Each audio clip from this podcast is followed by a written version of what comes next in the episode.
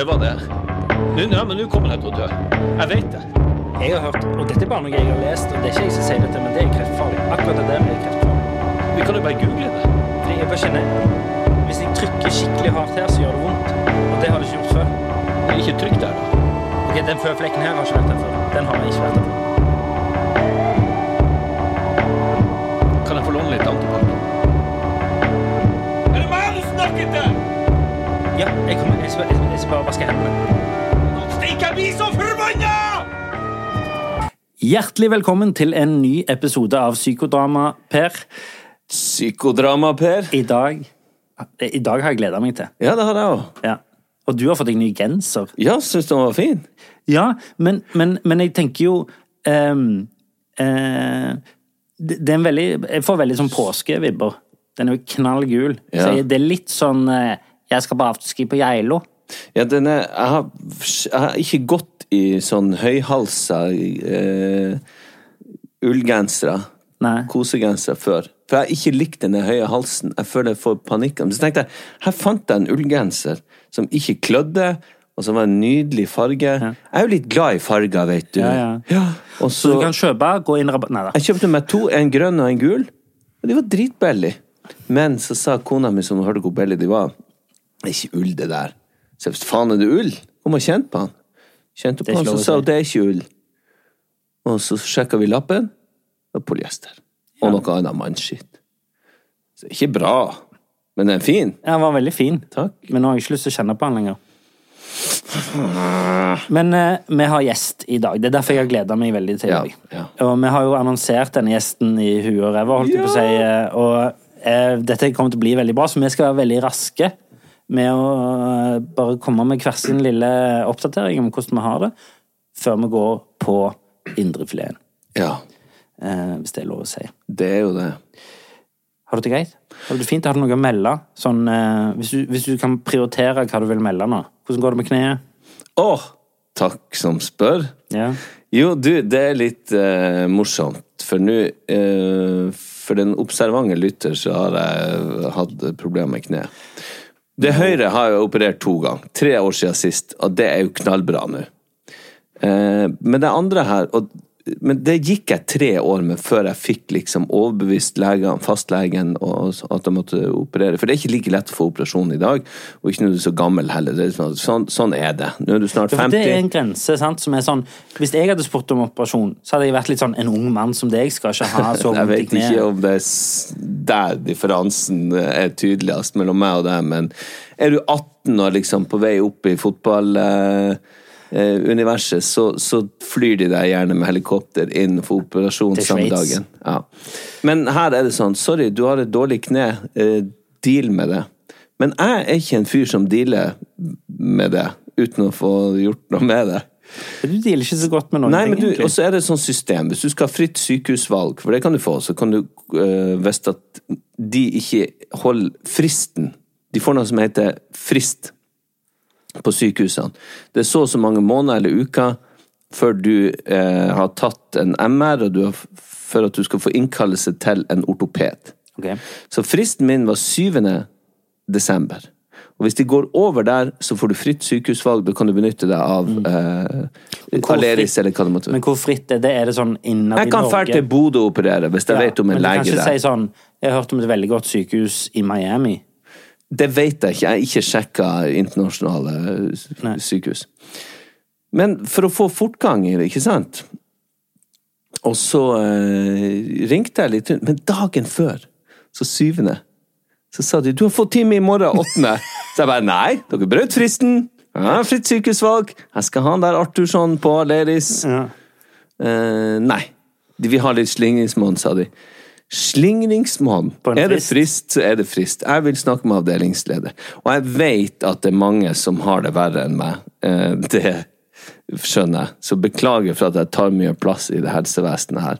Men jeg får ikke gjort så mye uten det kneet mitt. Jeg vet jeg klager mye på det kneet. Og folk er drittlei. Men Nei, så får jeg da time, så sier jeg ok, jeg snakker med avdelingslederen. Hun sier ok, kom inn dagen før. Jeg har funnet en time til deg. Så da har vi ikke brutt fr- fristen likevel. Jeg bare ah, ok, men jeg gjør jo det. Jeg drar jo dit. Sitter jeg og venter på sykehuset. Må inn på et vanlig statlig sykehus. Ah, Ja, SUS. Så kommer det ei dame. Da ser hun Per Kjærstad, og så ser hun ser så lur ut. Skjønn jenta var hun. Eller dame, ikke jente, men altså Ja, men hun var så, var hun så lur. Og så Hvor er dette skal hen? Ja, det skal du høre. Og så slipper hun meg inn på det lille rommet sitt.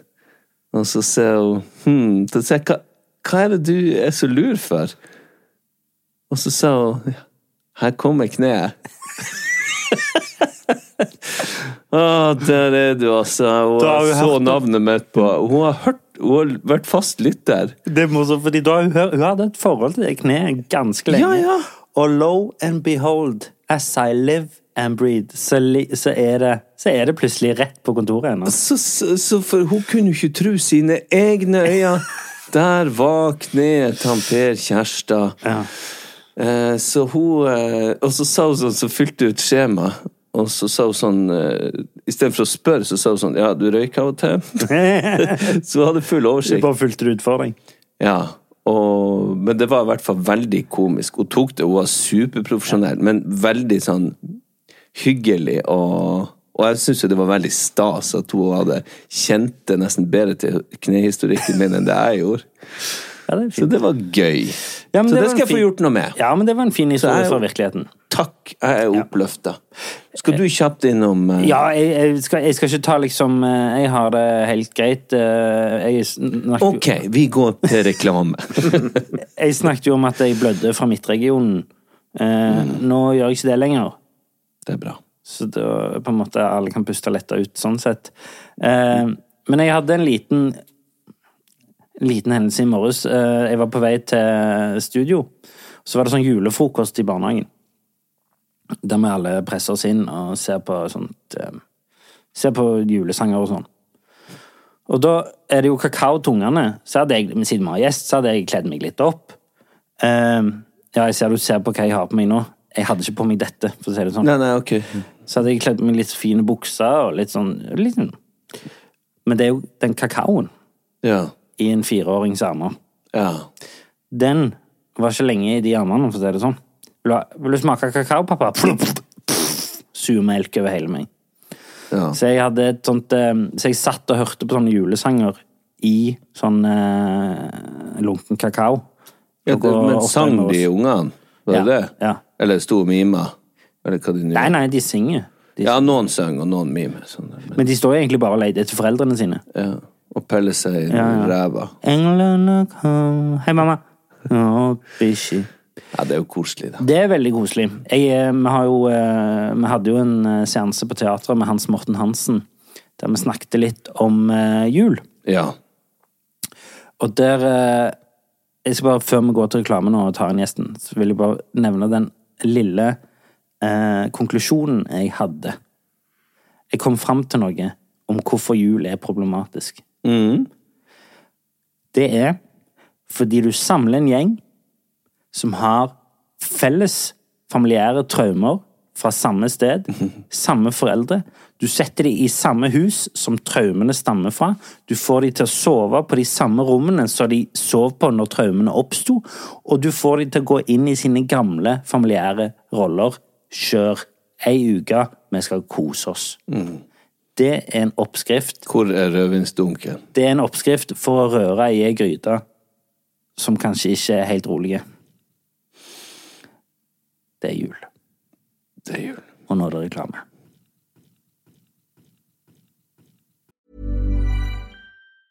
Everyone knows therapy is great for solving problems, but getting therapy has its own problems too, like finding the right therapist, fitting into their schedule, and of course, the cost. Well, BetterHelp can solve those problems. It's totally online and built around your schedule. It's surprisingly affordable too. Connect with a credentialed therapist by phone, video, or online chat, all from the comfort of your home. Visit betterhelp.com to learn more and save 10% on your first month. That's BetterHelp, H E L P. Since 2013, Bombas has donated over 100 million socks, underwear, and t shirts to those facing homelessness. If we counted those on air, this ad would last over 1,157 days. But if we counted the time it takes to make a donation possible, it would take just a few clicks. Because every time you make a purchase, Bombas donates an item to someone who needs it.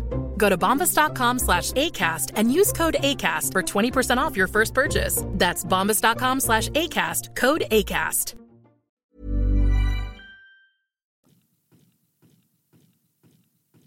Per, Ja, vi har gjest. tenk det. Og helt som vanlig så er det ingen hvem som helst. Nei. Men han her er kanskje, en, kanskje den gjesten vi har snakket mest om før han faktisk var gjest. Ja. Og fått flest skriverier om at de gleder seg til. Ja. Fordi meg og deg var i Budapest sammen med Viking fotball. Ja. Eh, vi våkna tidlig i morgen, skulle fjase litt foran forsamlingen. Og introduserte da en eh, mann som skulle ha et foredrag. Som heter 'Jakten på det gode lag'. ja. Um, Fyren hadde vi Vi hadde hørt navnet, men vi hadde ikke noe særlig bekjentskap. nei, vi hadde iallfall ikke hørt han snakke offentlig før. Nei. Og det som traff oss da, gikk hjem. Det var et foredrag som var fullt av eh, humor, eh, hjerte, raushet. eh, og det var rett og slett så bra at han skulle vi huke inn. Og nå er han her. Han er Ja, hva skal man si? Han er så mye, så jeg har valgt et par ting å si. Han er sjakkspiller. Ja, han veldig god også, Ja. sånn, selvfølgelig. Ja. Han er eh, fotballtrener. Mm. han har blant annet vært landslagstrener for kvinnene. Han er òg selvfølgelig foredragsholder. Og han er born and bred i Øksfjord i Finnmark. Velkommen, Roger Finnjord. Tusen takk, Ole og Per. Det, det er en stor ære å få lov å sitte i det studioet her og prate med dere. Dæven. Takk for i dag. Takk for i dag. Du, vi eh, har gleda oss til i dag. Vi begynner alltid med et enkelt spørsmål til gjestene våre, og det er hvordan har du det? Jeg har det bra. Eh, Jeg har det, og eh, det er ikke sånn at alle dagene er sånn, men i dag, i dag har vi det veldig fint. Og um, når jeg fløy inn hit til, eh, til Stavanger i morges, så, så kjente jeg på at det var en stasdag. Eh, Ja. Å få lov å være med i, i podkast, det er jo eh, det sånn Det er definitivt ikke ofte jeg har vært med på det. Hvor ofte er det? Det er første, det er første gang. Det syns jeg er ganske gang. utrolig at ikke du har blitt hooka inn flere ganger. Men eh, klapp på skuldra til oss som var først. Men skulle ikke du vært Er det ikke noe der oppe i Jeg, jeg lever i den trua at det var nært at jeg ble invitert inn en gang. For jeg har to veldig godt bekjente i Alta. De hadde faktisk et, eh, en, eh, en podkastserie med litt sånn idrettspersonligheter, eh, idrettsfolk i Alta. Eh, Og den ene jobber jo sammen med meg, og flere andre på kontoret sa har du vært der òg? Nei, sa jeg, men jeg håper jeg får invitasjon. Kom aldri noen invitasjon, og plutselig så satt de her to eh, på, han andre, altså han, Begge satt i, i, på kontoret, så sa de du, nå har vi lagt, eh, eh, nå har vi lagt ned den, den serien. Ja, vi hadde ikke flere å invitere. Sa de til deg, ja? Men jeg sa det egentlig til alle som Ja, satt rundt, og da, da kjente jeg at det traff jo noe i hjertet. Ja. Jeg tenkte at det, det, det, var ikke, det, var ikke noe mer der, altså. Så, eh, så gikk jeg inn på kontoret, da, og så hørte jeg en av de andre sa har dere hatt han Roger inne? Og da blir det helt stilt. Dæken, sa de. Det, det, har vi, det har vi faktisk glemt. Du, Roger, den er oppe og går igjen, den Ja, podkasten. altså, den, den, men den kom aldri, så det er klart. Men man skal kanskje ikke fortelle hvem de var. ja skal man ikke det? med- De vet jo sjøl hvem de er, gjør de ikke det? Ja, altså, det, altså, det, det var en Alexander og en Andreas.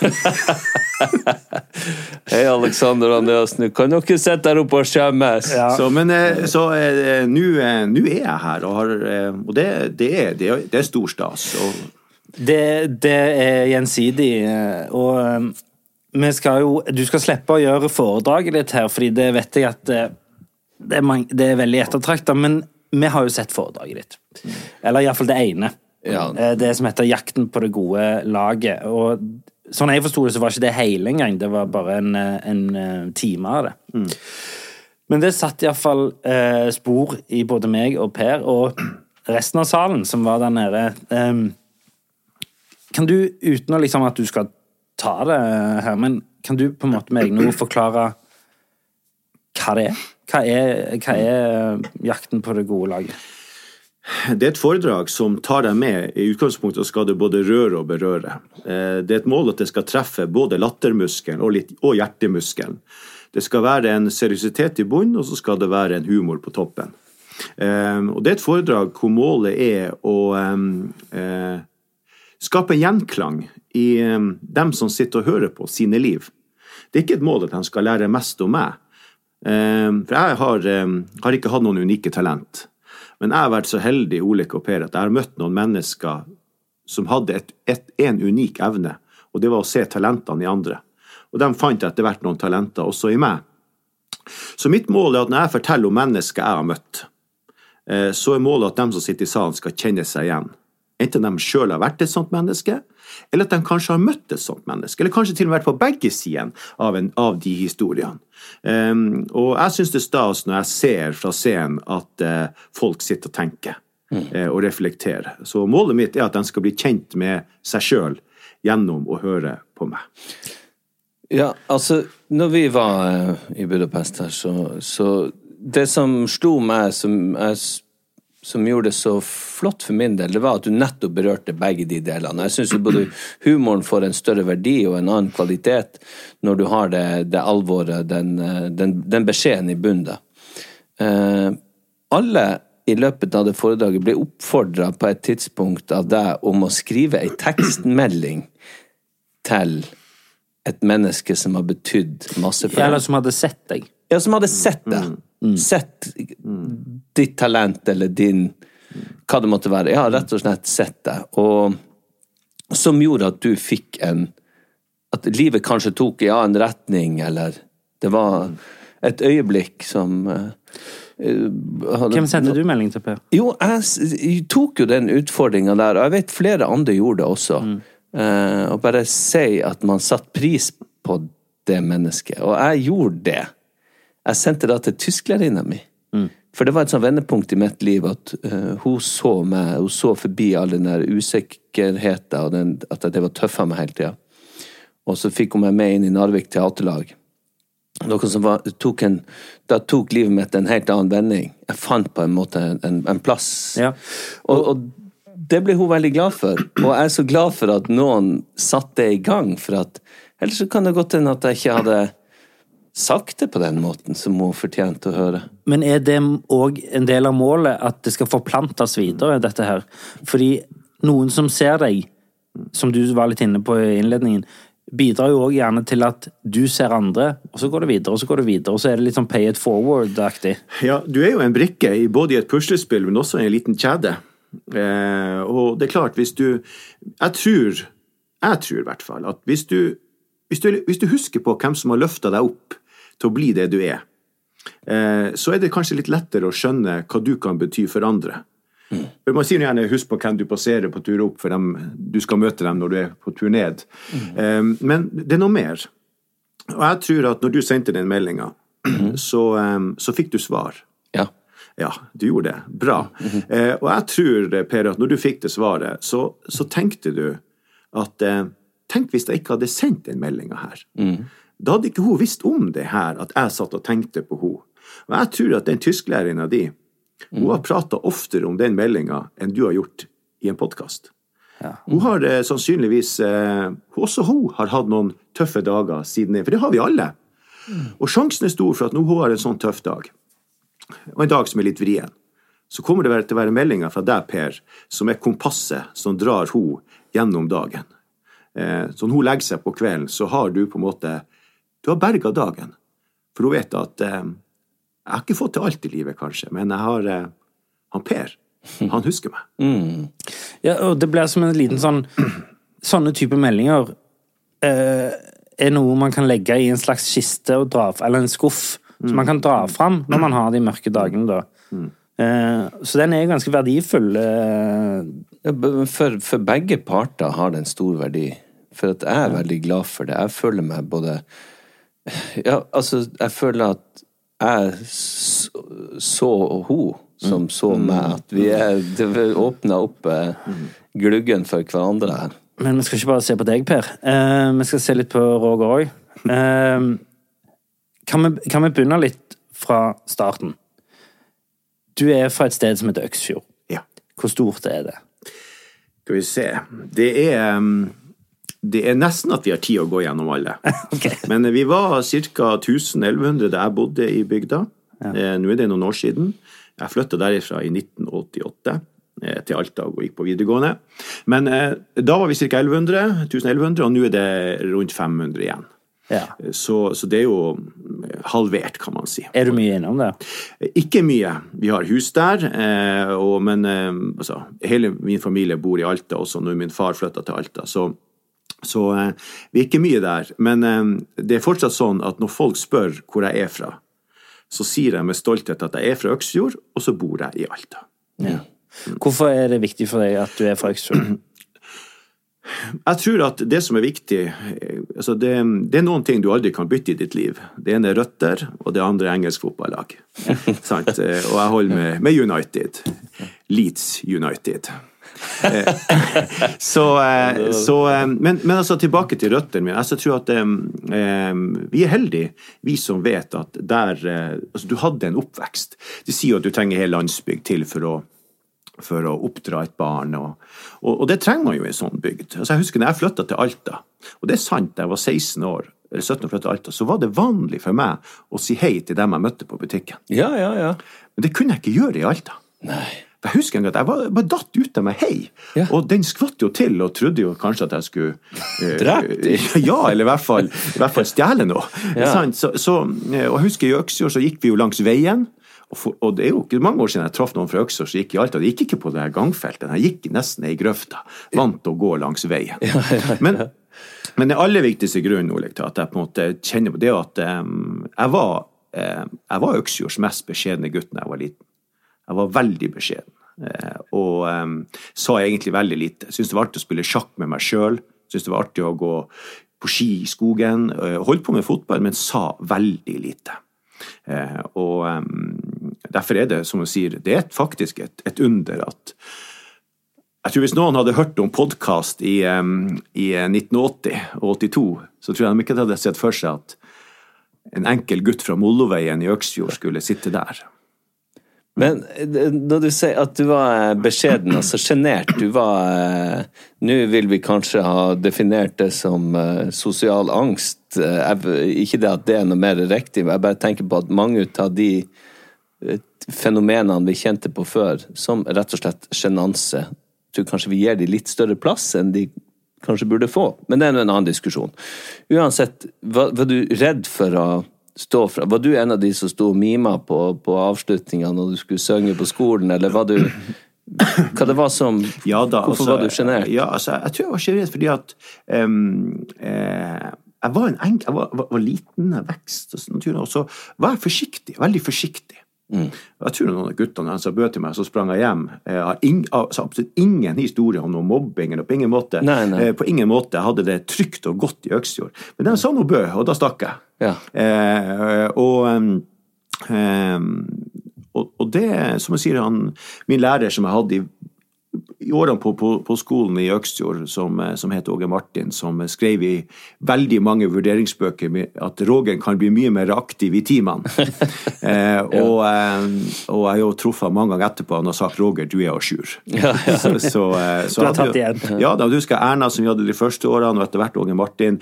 Det, det var det som gikk igjen. Det har også mamma og pappa fortalt etterpå på, på møter og sånn, som ikke jeg husker alt av, at han er så forsiktig. De trodde det var mer i meg. Tror du at det er en årsak til at man skal peise på da, eh, når man er blitt voksen, at det er noe usagt som ligger til grunn? Nei, ja Men jeg tror kanskje, hvis jeg kan være litt stolt, så kanskje at når folk liker De folkene som liker foredraget mitt, de kjenner på at det er ekte. Mm. Og jeg snakker jo om de her historiene òg. Ja. Eh, og kanskje blir det ekte når det er sant. Eh, og det er selvopplevd, og, og det kan verifiseres. Jeg får si det, altså, Sjekk gjerne ut hvis dere kjenner noen fra Øksfjord. Stemmer det at han var så beskjeden? Og Ja, de vil si ja. Og det er av og til har det jo sittet noen fra Øksfjord i salen, Ja, ja, sant? ja. Og som faktisk kunne sagt at det, det stemmer det han sier. Og det er jo helt åpenbart, og det, om du driver med standup, foredrag eller hva du egentlig gjør, for historiefortelling i utgangspunktet, så er jo så lenge du har rot i virkeligheten, og at det faktisk er ektefølt og kommer fra et ekte sted, så har du gjort mye allerede da. Fordi da kommer mye av det andre naturlig. Varmen, humoren. Eh, se for seg menneskene. Og det er jo det som er så gøy når vi hører på deg, for du Jeg føler jo jeg har vært der. Jeg har hørt på deg en time. Jeg føler jeg har vært i Øksfjord. Jeg ser for meg Øksfjord. Når du sier de navnene som du òg nevner Du har jo en, en del karakterer. Jeg kaller de karakterer, men det er jo ekte mennesker. Men du har jo en del karakterer du er innom. Folk som har levd, som ennå lever. um, som er Som jeg føler jeg har møtt. Og det er en ekstremt god kvalitet i et foredrag. Som er at jeg fikk være med. Du er ekstremt inkluderende i det du sier. Eh, og du nevnte eh, Erna og Martin. Det er dine barneskolelærere. Eh, kan du bare raskt touche inn på hva de gjorde for deg? Som gjorde, eller den opplevelsen du hadde fra, fra å være en beskjeden gutt til å bli sett, da. Ja, altså, eh, jeg var jo glad i å spille sjakk. Ja. Eh, og vi kan jo si litt av det, den delen av, av foredraget at, og som, som Ikke det bare den det foredraget, men det, det er en historie som jeg gjerne liker å fortelle. Eh, fordi at det var, et, det var et, et punkt i mitt liv hvor jeg egentlig ikke skjønte at nå skjedde det noe. Jeg, jeg satt og hadde matematikk i en sjette klasse. Satt helt stille. Så gled han Åge Martin inn foran meg. Så sa han Roger, jeg syns du skal bli sjakktrener. Oi. Kan ikke du bli sjakktrener? Og da gikk du i sjette klasse. sjette klasse. Jeg sa, Du er glad i å spille sjakk, og vi har fire førsteklassinger som mangler sjakktrener. Kan ikke du bli sjakktrener for dem? Og når Åge Martin mente at jeg kunne bli noe, tenkte jeg at da skal jeg bli det. Ja. Så jeg sa ja. Og dagen etterpå klokka fem skulle de fire førsteklassingene komme til Øksfjord Spektrum. Eller Øksfjord samfunnshus. um, uh, og ha skolesjakk. Og jeg var der klokka fire. Sånn at jeg hadde god tid å stille opp brett og brikker. Jeg var ferdig tre minutter over fire. Og i 57 minutter så gikk jeg rundt meg sjøl og stilte meg et spørsmål som jeg, etter å ha hørt alle episoder med psykodrama, tenker at det er et spørsmål dere kunne snakka om. Jeg gikk rundt og stilte meg et spørsmål som veldig mange mennesker dessverre altfor ofte må stille seg. Jeg gikk rundt i 57 minutter og stilte meg spørsmålet kommer de til å like meg. Kommer de til å like meg? Ehm, og jeg er på jakt etter de menneskene som skjønner når andre stiller seg det spørsmålet, og som er der med ei hand på skuldra og sier at en prat, en klapp på skuldra, som får de menneskene, gir de menneskene som stiller seg det spørsmålet, det svaret de egentlig vil ha. Hvis ingen er der rundt de menneskene som stiller seg det spørsmålet, så setter det seg som et arr i hjertet. Og hvis du har stilt deg det spørsmålet for mange ganger, og du setter det arret, så blir det et sår. Og det er da vi begynner å snakke om angst. Ofte Kommer de til å like meg? kommer de til å like meg. Eh, og når de fire, fire førsteklassingene kom Jeg blir jo rørt nesten bare å Ja, prate ja, om det. Så, så er det første gang i mitt liv jeg har sett Shiny Eyes på grunn av meg. Eh, de strålte når de kom inn. De ga nå vel katta i at det var Øksfjords mest beskjedne gutt. Ja, ja. De hadde jo fått en sjetteklassing i skolesjakk. Eh, og jeg tenkte jeg skal gjøre alt jeg kan for at de kommer tilbake. Eh, og de kom tilbake. Og Det er en ganske voksen tanke for en uh, sjetteklassing. Ja. Å si sånn Jeg skal gjøre alt jeg kan for at de skal komme tilbake. Men Men jeg husker da, da, da sprang altså, da, Den første kvelden der så jeg, opplevde at de får hjem, og de, de lo når de får hjem. Ja. Det bruker jeg alltid å si til trenere. De spør når har jeg hatt en god treningsøkt. Hvis du kan, når økta er ferdig, og du kan lukke øynene, og du hører at ungene har det gøy Ja. når de får hjem, da kommer de tilbake neste gang. Ja, ja, ja. Hvis du lukker øynene, og du hører en stillhet når ungene fær, da må du tenke deg om hva du har gjort på økta. Ja, Altså, ja. Nei, og, men og, jeg, og jeg, jeg sprang hjem til mamma og pappa. Først sprang jeg innom min bestemor og bestefar og fortalte dem det var artig. ja. Og jeg husker mor sa, bestemor, for de bodde rett ved siden av samfunnshuset, du må dra hjem til mamma og pappa og fortelle det her. Og jeg kom hjem og fortalte. De syntes det var artig å ha meg. og ja, jeg, lurer ennå på den dag i dag hva hadde hvor hadde min eventuelle vending i livet vært hvis jeg ikke hadde hatt de fire førsteklassingene i skolesjakk? Så d- d- der begynte det, liksom. Og så em, har det jo etter hvert da balla litt på seg. Ja. Ja, det får en si. Men jeg bare tenkte på Det det kan være at jeg hopper litt eh, langt fram nå, men vi kan bare hoppe egentlig som det passer oss. Fordi du har jo både hatt eh, barnelag har, eh, Nå snakker jeg om fotball. Barnelag, amatørlag, profesjonelle. Hvor går grensen fra de skal le når de går hjem fra trening, og eh, der det ikke lenger er så viktig? Eh, Det fins ikke. Nei. Nei. Jeg tror at hvis du har et profesjonelt lag eh, Altså, du kan ha leker på banen med de profesjonelle lagene. Den dagen du glemmer å leke når du er voksen, den dagen du glemmer å leke når du er profesjonelle spillere, den dagen du glemmer å ha det gøy. For jeg tror det er umulig å bli god i noe du ikke syns er gøy. Ja, det er helt enig. Men hvis du syns det er gøy, og hvis vi er mange nok som syns det er gøy, da er det helt unikt hva vi kan skape. Eh, og derfor er jo historier om Som all, mange har, hvor lag som har gjort noe som ingen hadde forventa. Rosenborg på 90-tallet. Ja, Hvis man spør de her som har skapt noe, eh, om det er Nerskogen i sjette divisjon eller Rosenborg eller ethvert hvert lag, og du spør dem hva var det som gjorde at dere tok det der, så er det sjelden de snakker om vet du hva, vi fant en spesialoppspillsvariant. Vi hadde en indreløper som var så sykt god hele tida. Ja, det blir kanskje nevnt etter hvert, men ikke som tvungen 1, 2 og 3. De snakker ofte om miljøet. Og kultur. Kulturen. Garderoben.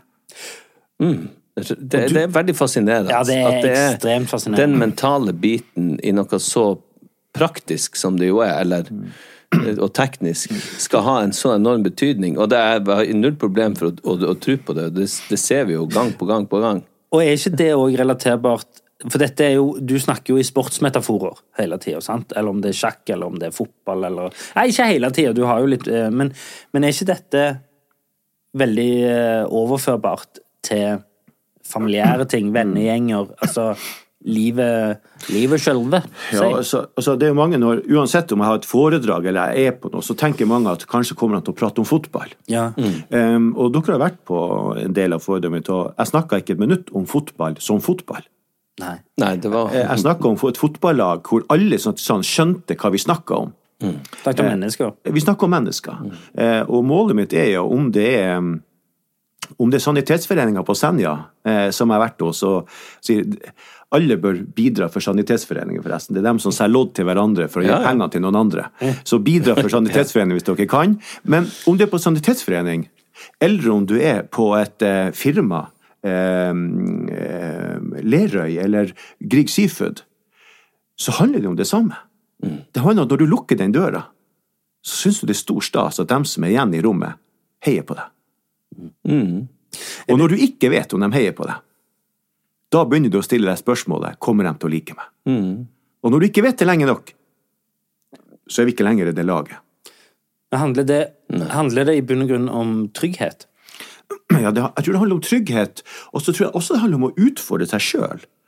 Du, du har jo noen som, altså, som kan bli en engstelig. Som, som, som, ikke klarer å skille sak og person. Og jeg tror de garderobene hvor trygghet er stor, så kan du være uenig, du kan rive og slite, du kan eh, nesten, sånn, vi, eh, nesten bannes litt til hverandre. Men folk skjønner at det er bygd på at vi vil hverandre vel. Sant? Jeg jo, jeg har vært så heldig å være mentorer for noen trenere. Og de vet at jeg ikke er ute etter jobben deres. Og to, de, hvis de ikke vet at jeg kun vil dem vel, så kan ikke jeg klappe dem på ene skuldra og kanskje samtidig rive dem litt i det andre øret. For da, da, vet de aldri, da vil de ikke vite hvor de har meg. Sant? Og det her Når du ikke vet hvor du har noen, da, blir, altså, da begynner du å forske og teste ut alt de sier. Sant? Da er det sånn Når du får en tekstmelding og det ikke er et smilefjes, og lurer på er det alvor det her, hva skjer nå? Gjerne et klemmehjerte burde òg være på bare du sier hei med klemmehjerte. Sånt. Eh, Altså, og, og det der er så viktig. Og det fokuset blir på en måte mer hva skjer, istedenfor hva er vi på vei til. Sant? Istedenfor at meg og deg drar samme retning, så, så, han- så er konflikten her hvor har vi hverandre? Og da kommer du Dæven, altså, nå var jeg ja, du, du, du fikk med deg det han sa, med andre ord. Der opplevde jeg at han nok aller mest satt og venta på å få ordet. Du kan jo høre etterpå hva jeg sa. Ja, ja, ja. Det ligger ute på nett. Sitt og be om å få ordet. Når du får ordet, så gjentar du akkurat det samme som blir sagt. Det er jo en, det er jo en klassisk eh, ja, jeg er god til det. Um, i et debattforum. men du var litt inne på i en garderobe, og det er jo der du har Du har jo vandra mye i garderober. Og du har et ord um, som er uh, garderobelukten. Hva er garderobelukten? Ja. For å si det kort, så er garderobelukta ingen lukt. Nei. Det er en følelse. Det er følelsen av å høre til. Den følelsen du har, og det er handler ikke bare om en garderobe på, på, på et fotballag eller et idrettslag. Eller, det handler like mye om sanitetsforeninger eller Finnmark fotballkrets, med de guttene som er så heldige å jobbe med der. Eh, Det å legge seg på kvelden og vite at i morgen har jeg en plass jeg hører til. Eller det å våkne på morgenen og vite at i dag, i dag har jeg en plass jeg hører til. Den følelsen er fin. Vi har en på kontoret hos oss som heter Pøl Erling. Det kan jeg få lov å si hos dere til noe nå. Han er 60, mm, snart, snart 61 år. eh, og han har sagt i ganske mange år at jeg skal gå av den dagen jeg er 62. Men i det siste så har han ikke sagt det så. Egentlig ikke i det hele tatt. Så jeg tok en prat med han her for en stund siden. Liksom, liksom, hvor er vi, liksom, på Erling? Er det sånn at jeg skal begynne å tenke på nyansettelse her, eller For du har jo snakka litt om det at du skal gå av når du er 62. Så sier han kanskje vi ser bort fra det. Så jeg, for jeg sa til kona mi at, eh, en dag at jeg er redd for å våkne om morgenen og ikke vite om jeg har en plass jeg hører til. Så det var han som ga oss den. Ja, okay. Eh, sånn jeg er redd for at eh, jeg ikke skal ha en stol og, og bety noe. Og jeg syns jo at jeg er på mitt beste nå, sa han. Og det er han. Det kan vi si til hele Norge. Han er på sitt beste nå. Har aldri vært bedre. Han reiser rundt med trafikksikkerhet med ungdom i hele Finnmark. De elsker han. Tror han er æresruss på enhver skole, nesten. Og det er klart, da skal du ikke stoppe når du er 62. Nei. Så da, da har du en unik mulighet. Også, De, de, de, vi, vi, jeg er jo også glad når generasjoner kan møtes og finne det momentumet i hverandre, at vi heier på hverandre på tvers av generasjoner. Så nå har han ro i seg, for han vet nemlig at også når han er 62 eller 63 eller 64, så kommer han til å ha en plass hvor han hører til, og han kommer til å være god. Ja. Men han er sånn 92, så må du minne ham på Du, nå kanskje Ja, men du skal vite at vi har en til på kontoret hos oss som heter Helmer. Eh, Han jobber i Lakselv. Han, eh, jeg overtok for han. Han gikk egentlig av i 2011, oh, ja. da jeg ble daglig leder. Da skal han egentlig Da slutte. skal han egentlig også uh, Da skal, pensjonere da skal han pensjonere seg. Ja. Og, så, sånn, da var han 62. Ja. Ja. Eh, Og um, Så ombestemte han seg. Nei, og så sa jeg, er du helt sikker på at du vil det? Ja. jo. Så jeg har du ikke lyst til å ha ei sånn 20-25 stilling og liksom jobbe litt med økonomi og fakturering og Så ble han faktisk litt blank i øynene, sa han. Det har jeg lyst til. Ja. Eh, og um, nå er han jo 5-76. Ja. Eh, og eh, når han Helmer eh, Han har fortsatt fotball-NO-adresse. Oh, ja. Han har fortsatt sitt 20% og jeg vet hva det betyr for han å kunne sitte på dagen og fakturere litt, eh, mase litt på gutta på kontoret. Han har en følelse av å høre til. Ja, ja, ja. Og tenk de mennesker som ikke har den følelsen. Tenk alle de menneskene vi passerer hver dag, og vi ser dem ikke. Og Den ene handa vi hadde vært der, med den ene kommentaren, hadde gitt dem så mye. Men vi velger å se ned, vi velger å hende inn i lomma. Jeg, jeg bøyt meg merke i det du sa om fra Øksfjord. Det kjenner jeg meg veldig igjen fra eh, bygda. Altså, Øksfjord er jo en verdensmetropol i forhold til Kjærstad, det må jeg bare si. For der bor det jo nå 24 stykker. Ja, det, har du, det har du rett i. Ja, Jeg skal bare si det, Per prøver alltid å være bedre enn gjestene våre. Det er derfor han er sånn at det er sånn Å, du skulle vite hvor liten vår bygd er! ja, men, så, men den er i hvert fall ikke større. Nei. Eh, som ville ha vært naturlig å ha sagt hvis jeg skulle vært bedre i alt, Olek. Men den lille bygda mi har i hvert fall eh, Jeg kjente igjen det med å si hei til folk. Jeg har også blitt sett litt rart på på bussen i Oslo, på butikkene og sånn. For jeg sier hvis jeg får øyekontakt mer enn et tidels sekund, så sier jeg hei, og så smiler jeg. Og noen skvetter litt til av det. Men jeg har eh, Altså, den verdien det gir Jeg tror kanskje jeg snakka om det her før, men bare det lille øyeblikket av kontakt du får med et menneske, kan ha eh, Gjøre dagen for noen. Altså, vi har for eksempel eh, Det var gjort en sånn en forskning for mange år siden. Eh, Du husker de gamle telefonkioskene? Selvfølgelig gjør dere det. Og husker dere også når man brukte disse, var man kjente om det lå mynt igjen? Ja, ja. Og så gjorde de et uh, uhøytidelig forskningseksperiment med det, at du så hvem som tok de pengene, eller hvem som leverte dem tilbake, eller prøvde å finne eieren. For da det, hadde de lagd en liksom, sto det en eh, skuespiller inne og snakka i telefon, og når han la på, så datt de pengene ned, men han gikk bare rett ut. Og så kom nestemann inn og sjekka og fant de, og putta de i lomma. Men hvis det mennesket gikk ut og streifa armen og sa hei idet den gikk ut, la på. Pengene Så gikk ned. så så, du hadde bare det millisekundet med kontakt med det andre mennesket. Du strøyk forbi, kom borti med armen og sa hei. Så kom de ut igjen. Så hei, du glemte pengene! Det, så da, jeg syns det bare det sier mye om hvor lite som skal til for at du får tillit til et menneske. To. jeg vil oppfordre folk som ikke er fra bygden, til å si mer hei. Men jeg, jeg, vil- også, og så, så, så, du sier det jo også, Per, den, berøringa. Mm. Den klappen på skuldra, den fiven. Um, jeg frykter at den skulle være borte under pandemien. Ja. Eh, Altså, at det skulle være noe som ble borte. Ja. At denne meteren du ikke skulle gi en klem. Jeg, jeg klemmer. Eh, og eh, jeg syns det er stas når andre vil klemme. Ja. Eh, og så, eh, og det, altså, jeg tror at vi vi, vi husker dem som har klemma oss. Det er sånn, Når du legger deg på kvelden, eh, så er vi, så, vi er bygd sånn som mennesker. Når vi legger oss på kvelden, så husker vi dem som har eh, sagt hei til oss. Eller tatt oss på fersken i å være gode, eller klappa oss på skuldra. Eh, og det er jo dem vi har lyst til å sovne til. Ja. Og meg av og til. Ja. Ehm, Hey, I'm Ryan Reynolds. Recently, I asked Mint Mobile's legal team if big wireless companies are allowed to raise prices due to inflation. They said yes. And then when I asked if raising prices technically violates those onerous two year contracts, they said, What the f are you talking about, you insane Hollywood ass? F- So to recap, we're cutting the price of Mint Unlimited from $30 a month to just $15 a month. Give it a try at mintmobile.com slash switch. $45 upfront for three months plus taxes and fees. Promo for new customers for limited time. Unlimited more than 40 gigabytes per month. Slows. Full terms at mintmobile.com. Millions of people have lost weight with personalized plans from Noom, like Evan, who can't stand salads and still lost 50 pounds. Salads, generally, for most people, are the easy button, right? For me, that wasn't an option. I never really was a salad guy. That's just not who I am. But Noom worked for me. Get your personalized plan today at Noom.com. Real Noom user compensated to provide their story. In four weeks, the typical Noom user can expect to lose one to two pounds per week. Individual results may vary. Everyone knows therapy is great for solving problems, but getting therapy has its own problems too, like finding the right therapist, fitting into their schedule, and of course, the cost. Well, BetterHelp can solve those problems. It's totally online and built around your schedule. It's surprisingly affordable too. Connect with a credentialed therapist by phone, video, or online chat, all from the comfort of your home. Visit betterhelp.com to learn more and save 10% on your first month. That's BetterHelp H E L P.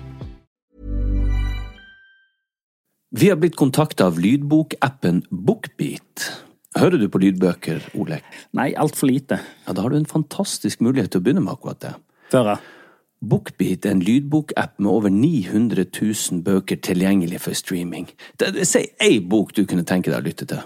Ja, da må jeg prøve å være litt patriotisk da, og si Lungefløyteprøven av Tore Renberg. Det er et kjempegodt valg. Du, du vet at jeg kjenner han, Tore? Wow. Han leste inn replikkene mine for meg til Lykkeland. Du vet at jeg spilte Yngve i Mannen som elsket Yngve, som han skrev? Ja, jeg vet det. Uansett, han har en fantastisk deilig stemme. Og det er han som leser inn sine egne bøker. Tenk å ha han på øret nå i timevis ute i sola istedenfor å sitte med trynet ned i masse papir, og ikke blir du brun heller. Og Lungefløyteprøven har fått fantastiske kritikker over hele linja, og den kan du høre på Bookbeat nå. Hvorfor vil du høre på akkurat den boka? Nei, fordi jeg elsker mannen som har skrevet 'Mannen som elsker Dyngve', som jeg har spilt, sa jeg det? Ja, og hva, hva er det boka handler om?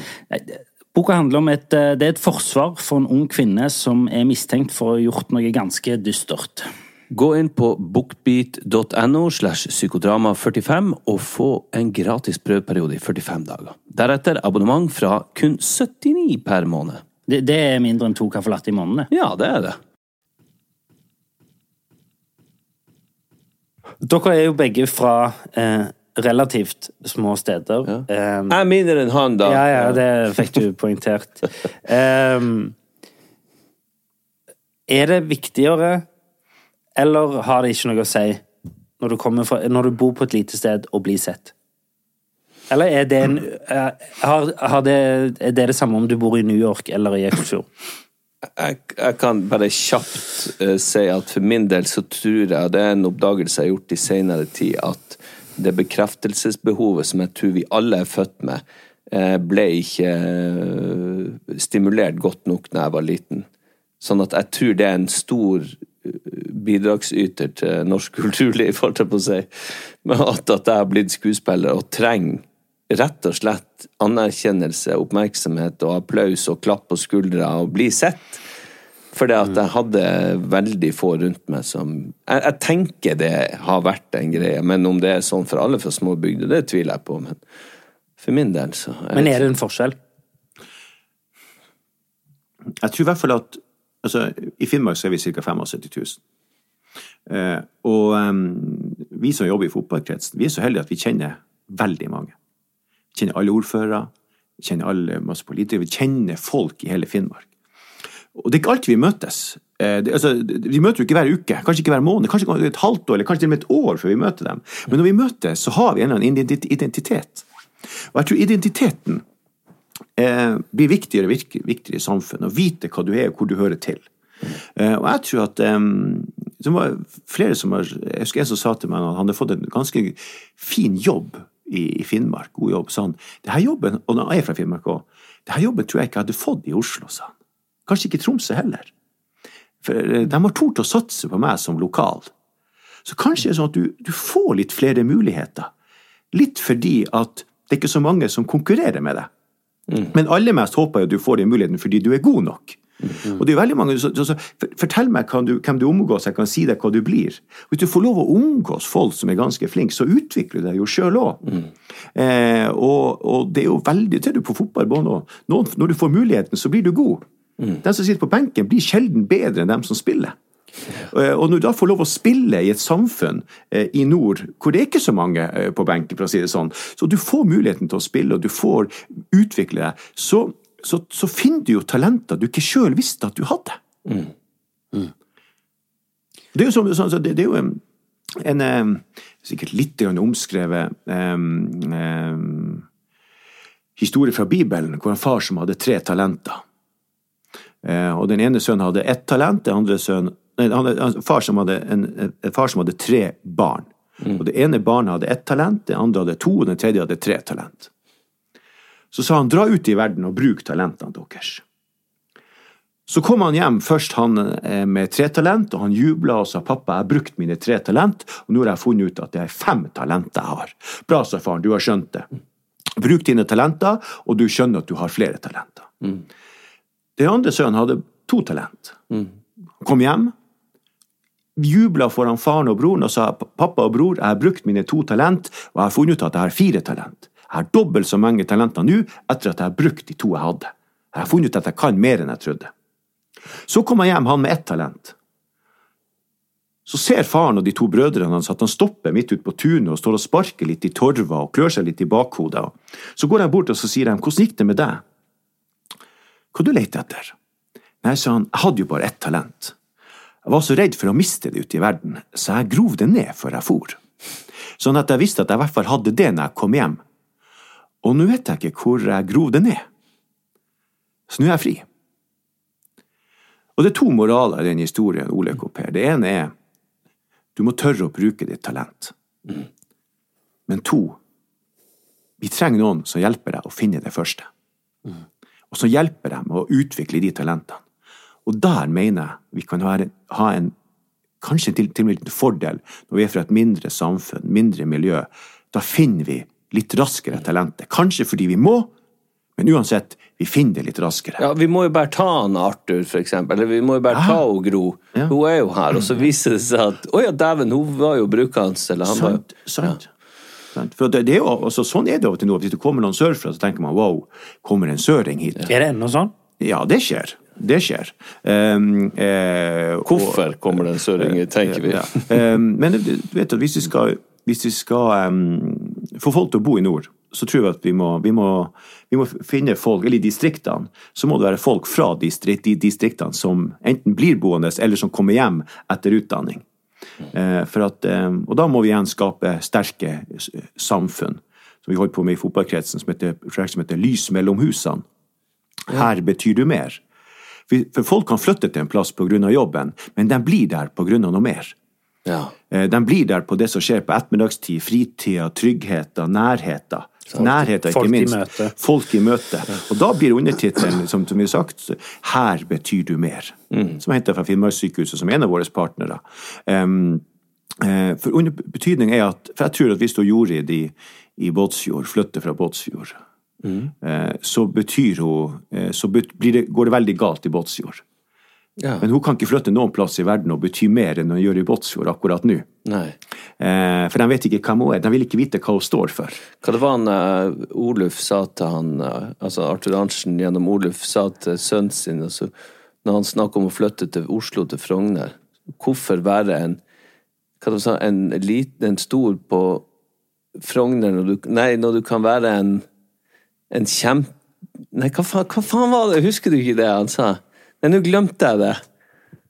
Hvorfor være en eh, Nei, jeg glemte Jeg må se om jeg finner det Ja, ja, etterpå, det sitatet. Vi finner det. Ja. Nå hadde jeg et Oluf-sitat her. For første gang, og så bare Ja, så- Jeg tror det hadde vært bra òg. Ja, Det hørtes jeg, var, jeg var spent. Hvorfor være en liten på Iralkatlia når Du kan være en liten på Frogner, du kan være en stor Iralkatlia? Ja. Ja, men i hvert fall, du, du, du vil i hvert fall bety noe.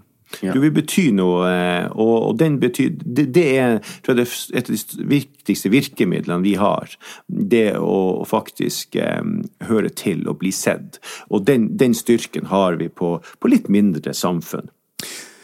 Jeg, jeg er veldig interessert i Jeg nevnte det så vidt i stad. Eh, greier man å forplante denne filosofien her? Fordi, fordi i et eh, Du har jo Mye av foredraget dreier seg rundt et eh, lokalt femtedivisjonslag.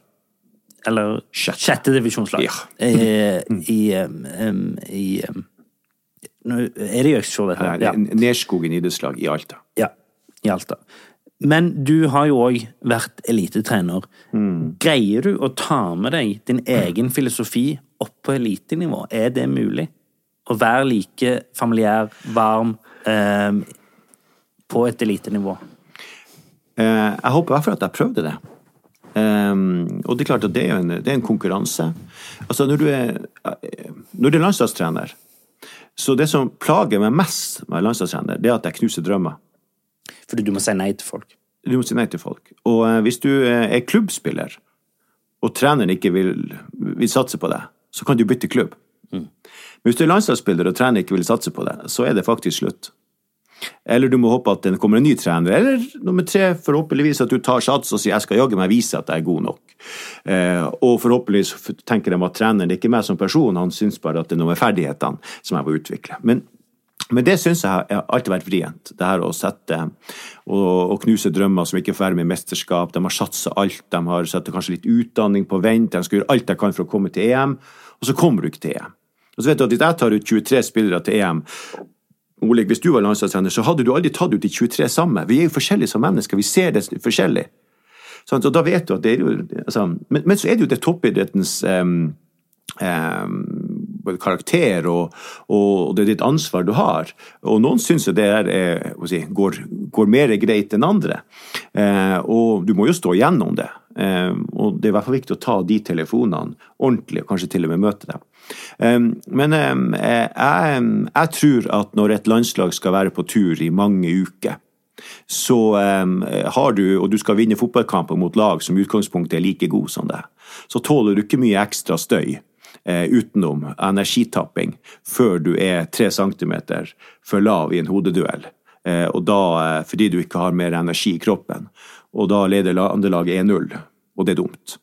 Um, så, så, enkelt ut. Ja, ja men altså, jeg tror at, at det her å ta den ekstra meteren, det løpet Sant? Um, sånn, så hvor du vet at når, om du bommer, så, så noen som tar det løpet, de gjør det med den store glede, og de gir deg ballen og sier 'bare prøv igjen, jeg kommer til å ta det løpet for deg', returløpet, så mange ganger som bare det.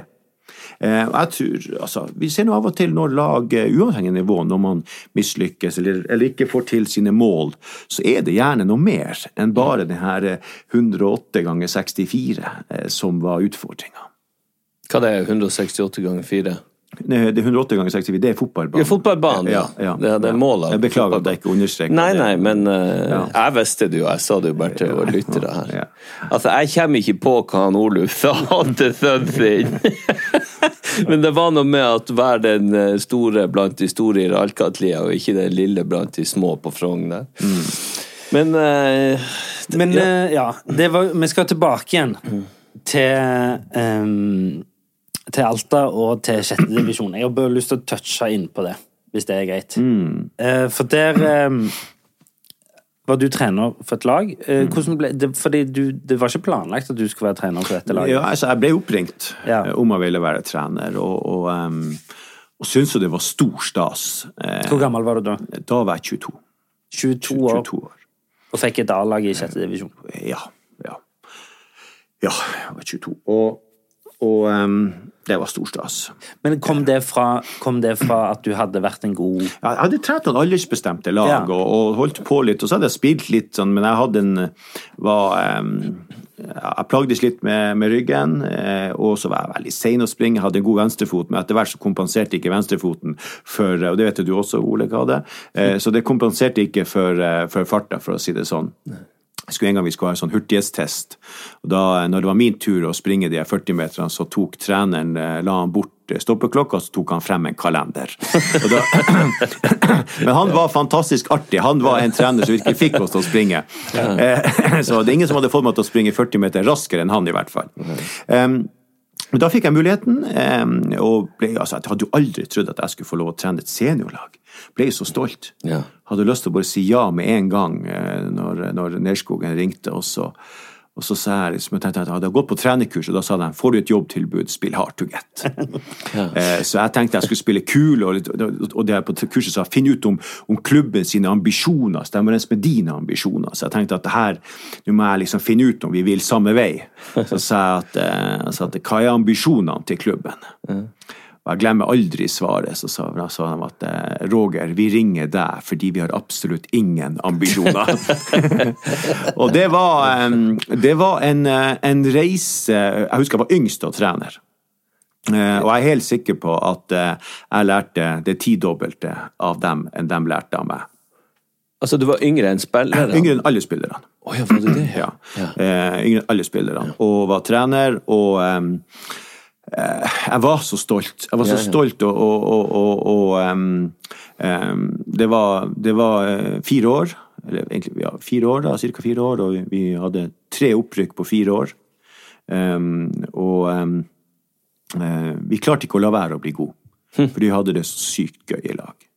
Eh, Og det prater vi jo litt om, og, om, om menneskene i det laget. Eh, hvor eh, det var plass til alle. Det var en ordentlig plass til alle. For det eh, la, beit vi oss merke i. Vi ble glad i noen av de karakterene. Ja, i så fint. dag. Og der er det jo eh, Og på dette laget, som eh, Per snakker om her kan du, kan du fortelle litt om hvem som var på dette laget? Ja, altså vi, vi hadde mange spillere som ikke hadde spilt noe spesielt mye høyere enn en, en femte og sjette divisjon. Og så hadde vi noen som hadde vært gode. Eh, Og så hadde vi noen som også hadde en u- utføring i livet. En funksjonsnedsettelse. Eh, Og det å samle det her eh, til en garderobe, eh, det er jeg fryktelig stolt av at jeg får være en del av. Eh, og igjen også på når det gjelder kultur, så var den gjengen som vi hadde der, var fantastisk. Vi, eh, vi eh, dro på treningsleir, og vi måtte erfare hva det var å være på treningsleir, og hva det betyr å ha tilgang til, til, til gode baner og gode fasiliteter også utenfor banen. Eh, og vi, eh, vi hadde det, det var for mange Det, det, var, det var livet. Det var plassen vi plutselig fikk til. Det var helt nyoppstarta lag og på en del av Alta som ikke hadde hatt lag. og det var... Så vi, vi klarte å gjøre plass til alle. Og på et eller annet forunderlig vis så ble alle stjernene i løpet av de her årene. Eh, og den følelsen at du liksom kan få en diplom hvor det står 'Man of the match', eh, den skal du aldri undervurdere. Eh, jeg tror at eh, eh, når du får en sånn diplom, det betyr akkurat like mye når din lærerinne, Per, fikk den meldinga fra deg. Det var eh, teacher of the year. Eller teacher of the life, kanskje til og med. Altså, du får den følelsen av at nå det, nå, nå har jeg betydd noe her. Er, ja, så det mm, det, det Jeg har virkelig mange ganger tenkt på tro hva jeg hadde vært altså Jeg har fått lov å trene mange fotballag i mitt liv. Og tro hva jeg hadde vært hvis ikke Nerskogen idrettslag hadde sagt at de ville ha meg til å trene et sjettedivisjonslag. For jeg kunne valgt veldig mange andre. Og jeg vet, hadde jeg bodd i Oslo da, hvor det var enda vel, mange vel mellom, så hadde ikke jeg blitt oppringt. De hadde ikke visst hvem jeg var. Eh, men eh, eh, det var noen i Nerskogen som fant ut at vi, eh, vi tar en telefon til han Roger. Og eh, det er jeg evig takknemlig for. Men Nerskogen, Mm. hvor det er hen? Ja, det ligger, det, det ligger Transfarelva, eh, like utafor Ja, utenfor, utenfor, utenfor sentrum i Alta. Og da var det bare et seniorlag. Men det heter Nerskog? Ja, ja, altså, men området heter Transfarelv. Men så Og- Alta, og- det er et annet lag? Ja, Alta IF er et annet lag. Ja. det her, er, altså, Alta som by, det er jo 21 000, så vi har ja. mange fotballag. Vi har 14 fotballbaner. Og vi Ja, har er det såpass? Ja, ja, ja. Og det, det er fantastisk. Ja. Eh, ehm, da var det bare et seniorlag. Nå er det blitt et, veldig sånn, et område av Alta som er veldig bygd ut. Ja. Eh, Så det er veldig mange nybygd, eh, nye, nybyggere som har eller, eh, som bygd hus der. Og, så nå er det veldig mange unger som er med i klubben. Og de har også igjen et seniorlag, det er stas, men det blir en stor, stor klubb, breddeklubb. Er Alta i vekst? Alta er i vekst, ja. Det er jo fantastisk. ja. Ja, men det er jo så Det er jo med at hjertet brister jo for alle de her plassene. Kjærstad, Øksfjord og, og flere tusen andre plasser. Jeg, er jo, jeg snakker jo ikke så mye om det her, men jeg er jo halvt finnmarking sjøl. Min mor er fra Hammerfest, og hele morssiden. Uh, så jeg har vært Hammerfest og Alta er jo gode busser. ja da, jeg har jo en beskjed til deg, Ole, for jeg vet at du er finnmarking. Okay. Så jeg har en beskjed til deg. ja vel? Jeg er her for å hente deg hjem. Du skal, du skal hjem til nord, så Ja, ja, vi, ja. vi har fly Norwegian 17.45 i dag. det du trodde at du skulle be han om å reise til Nei, men tenk hvor stas det hadde vært å, få- å, å få Dan Olek hjem igjen. Klart det, men kunne vi ikke ha Du, siden vi nå er noen nordlendinger begge to, alle tre, Alle tre. skulle vi ikke ha gjort det? Funnet på noe artig i Alta eller i Hammerfest på Kulturhuset der? Det måtte blitt i Hammerfest, fordi jeg må nesten, hvis jeg først skal hjem, så må jeg nesten hjem. Jeg Kanskje liksom 'Jeg kommer hjem!' Eller det vil si alt. Nei, for da Nei, altså. AKS er et fantastisk eh, kultursenter hus i, um, i Hammerfest, og der hadde dere passa på den Ja, det er jo det store med den hvaltanna, holdt jeg på å si, i Bardalen. Ja, det er fantastisk. Ja, ja, Vi burde gjort noe i Hammerfest. Klart vi skal det. Er dere klar, Hammerfest? Livepod med eh, Roger Finjord som gjest. Ja! Hvorfor ikke? Det Da har vi planta den ideen der. Du, jeg har bare lyst til å Det var noe annet du skrauta i det foredraget ditt. det var eh, det var Du er god i sjakk. Jeg er ikke god i sjakk, jeg er interessert i sjakk. Og det er det beste jeg ser på TV ved siden av Altså jula for meg, når jeg kan se hurtigsjakk og, og lynsjakk, og samtidig med å ha de Premier League-kampene, da er jeg i himmelen. Eh, og så jeg prøvd å få ungene mine til å spille sjakk. Jeg lærte sjakk, de har gått på sjakkurs, men det var så utrolig kjedelig, syns de. Så jeg, fikk, jeg klarte ikke å tvinge de engang lenger. Men du, hva, hva du gjorde så hva, Hvor den interessen kom av? Var det for at du ikke hadde noen å leke med? Ja Jo, men altså, det, eh, det hadde jeg, men det var ikke flere enn at eh, jeg hadde tid til å spille sjakk, for å si det sånn. Det hadde vært enda flere, så jeg er ikke sikkert det var så tid til å spille sjakk. Men um, jeg hadde en pappa som eh, hjalp litt til rundt sjakklubben, var sjåfør når de var på tur. Jeg husker den gangen, husker de skulle til Kirkenes på sånn sjakkturnering. Og jeg var for ung til å være med, men pappa for jo, så kjørte bussen. Ja. Um, og, og husker mamma sa men Roger, du kommer til å få reise i ditt liv, du. Og nei, så jeg kommer aldri til å få reise. Det, hun hadde noe rett i det, eh, min kjære mor. Um, men um, eh, jeg fant Altså, jeg fant en veldig sånn glede i å sitte og konsentrere meg rundt det brettet.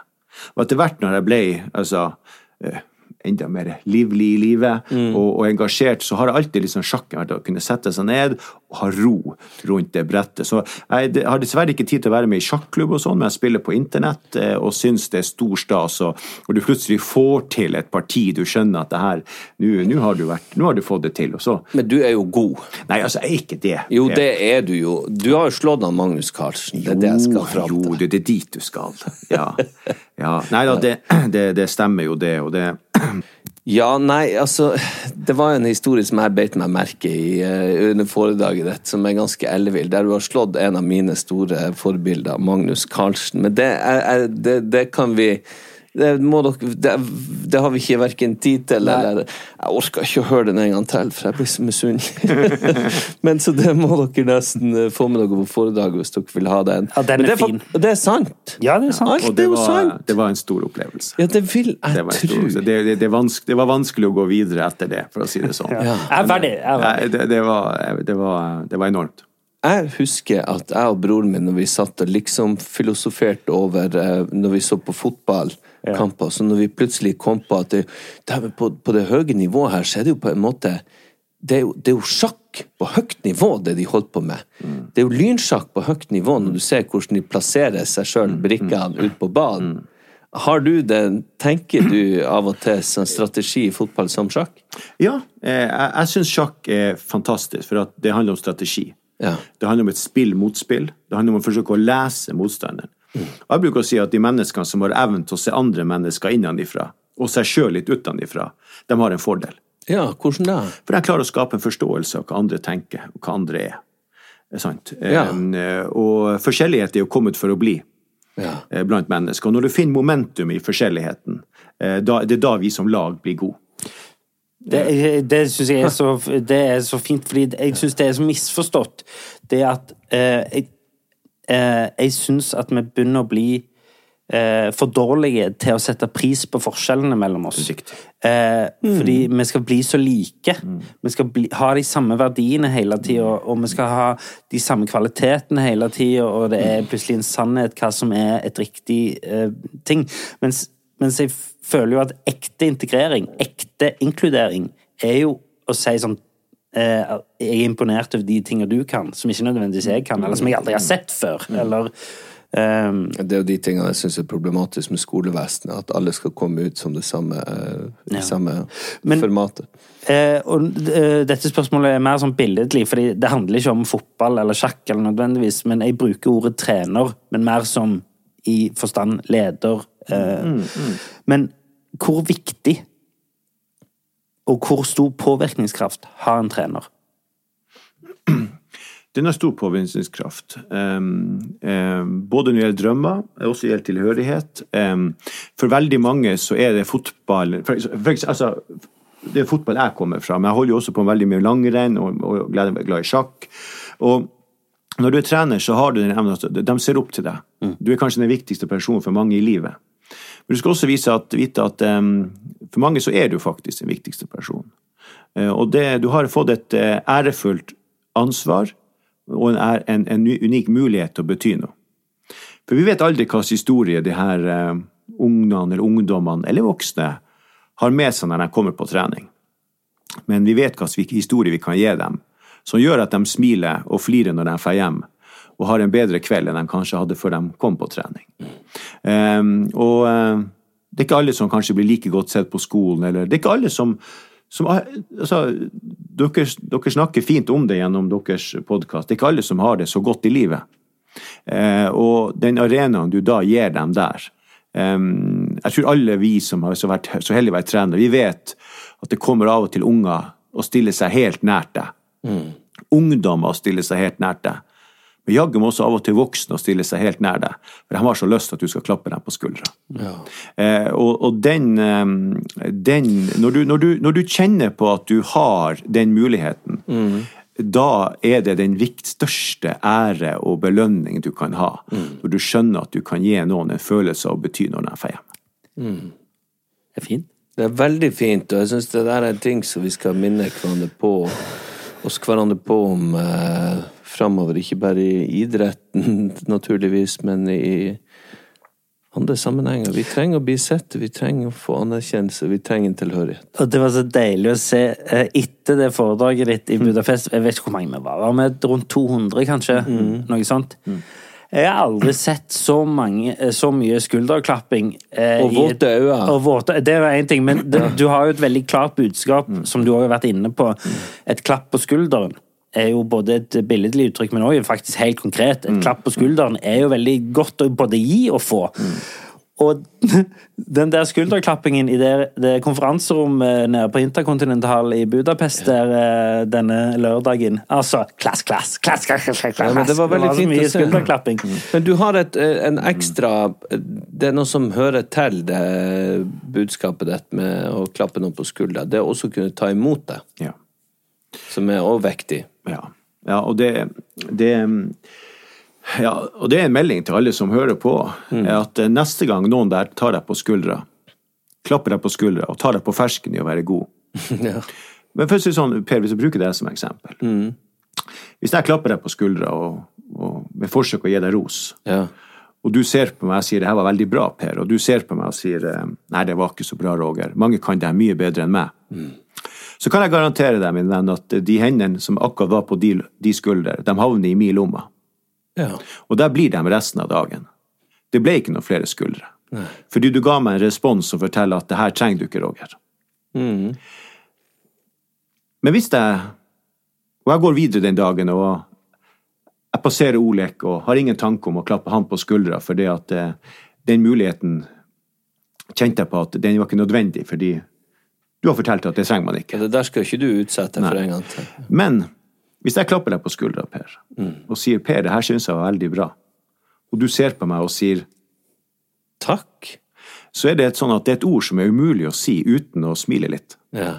Det er et ord som er umulig å si uten at jeg ser at det skjer noe i øynene dine. Og når du sier det takket til meg, Per, da havner ikke mine hender i, skuldre, i, i noen lomma. Nei. De havner ikke i lomma. Tvert imot, de går i beredskap. For de øynene og det smilet der har jeg lyst til å se en gang til. Og den dagen så går jeg videre, og den dagen så treffer jeg Olek. Og mine hender som er i beredskap, de når akkurat å legge ei hand på skuldra til Olek. Og den dagen så er det faktisk sånn at det var mi hand som berga dagen til Olek.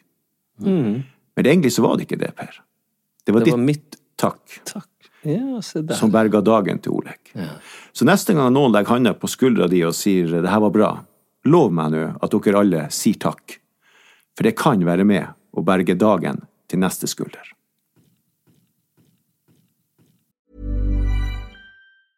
Planning for your next trip?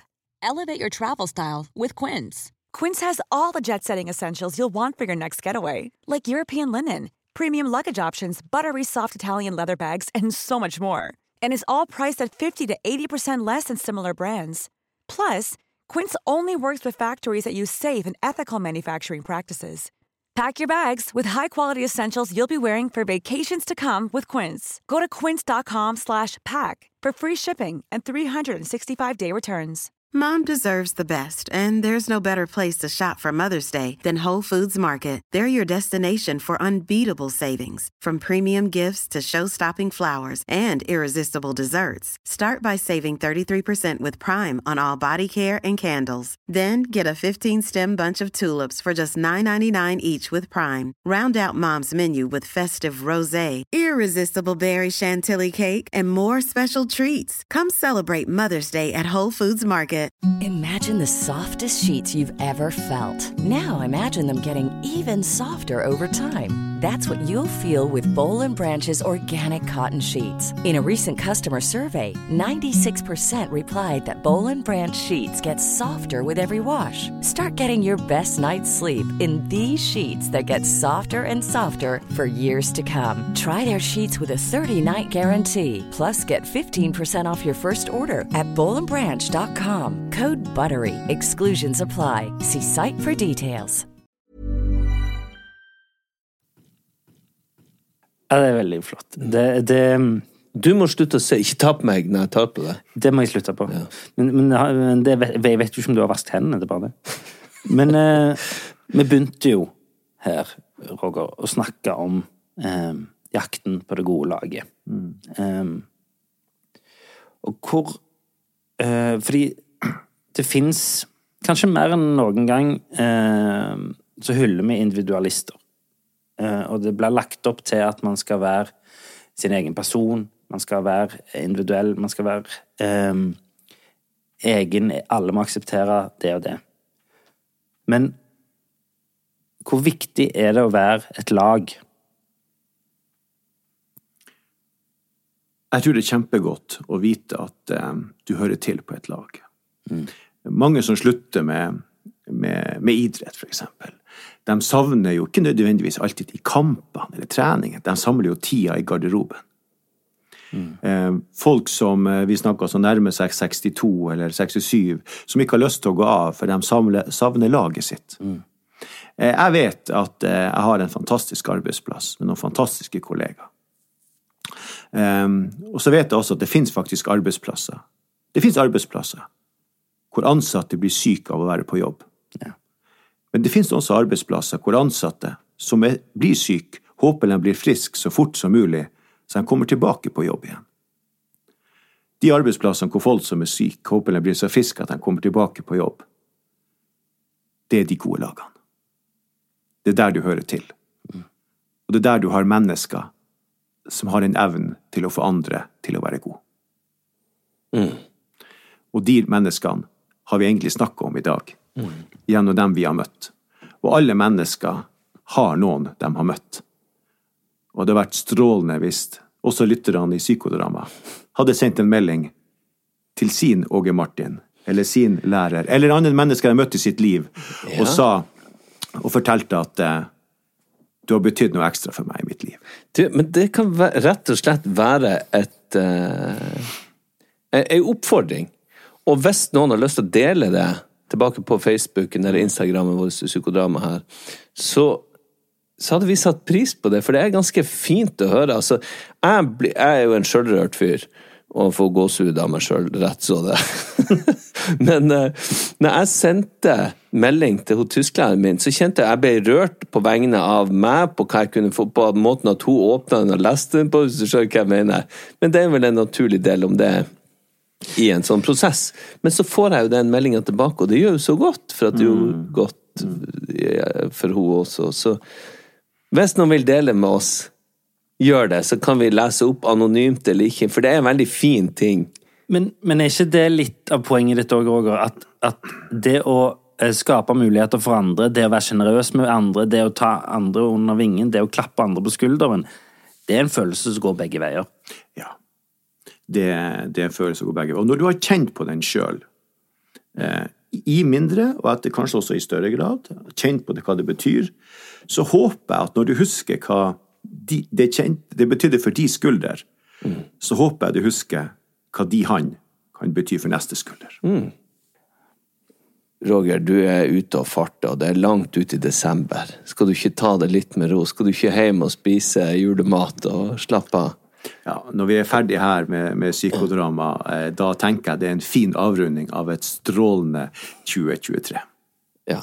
Gleder du deg til jul? Gleder meg veldig til jul. Er du en julemann? Ja, det er jeg. er jeg. Jeg liker å være julenisse. Jeg liker å gå rundt og være nisse i hus som har, um, uh, hvor jeg er spurt. Men jeg bruker også å gå inn i hus hvor jeg ikke er spurt. Det er en risky. Nei, ja, nei, nei, så jeg har jo en viss peiling. Jeg bruker å se litt om hvordan det ser ut inne.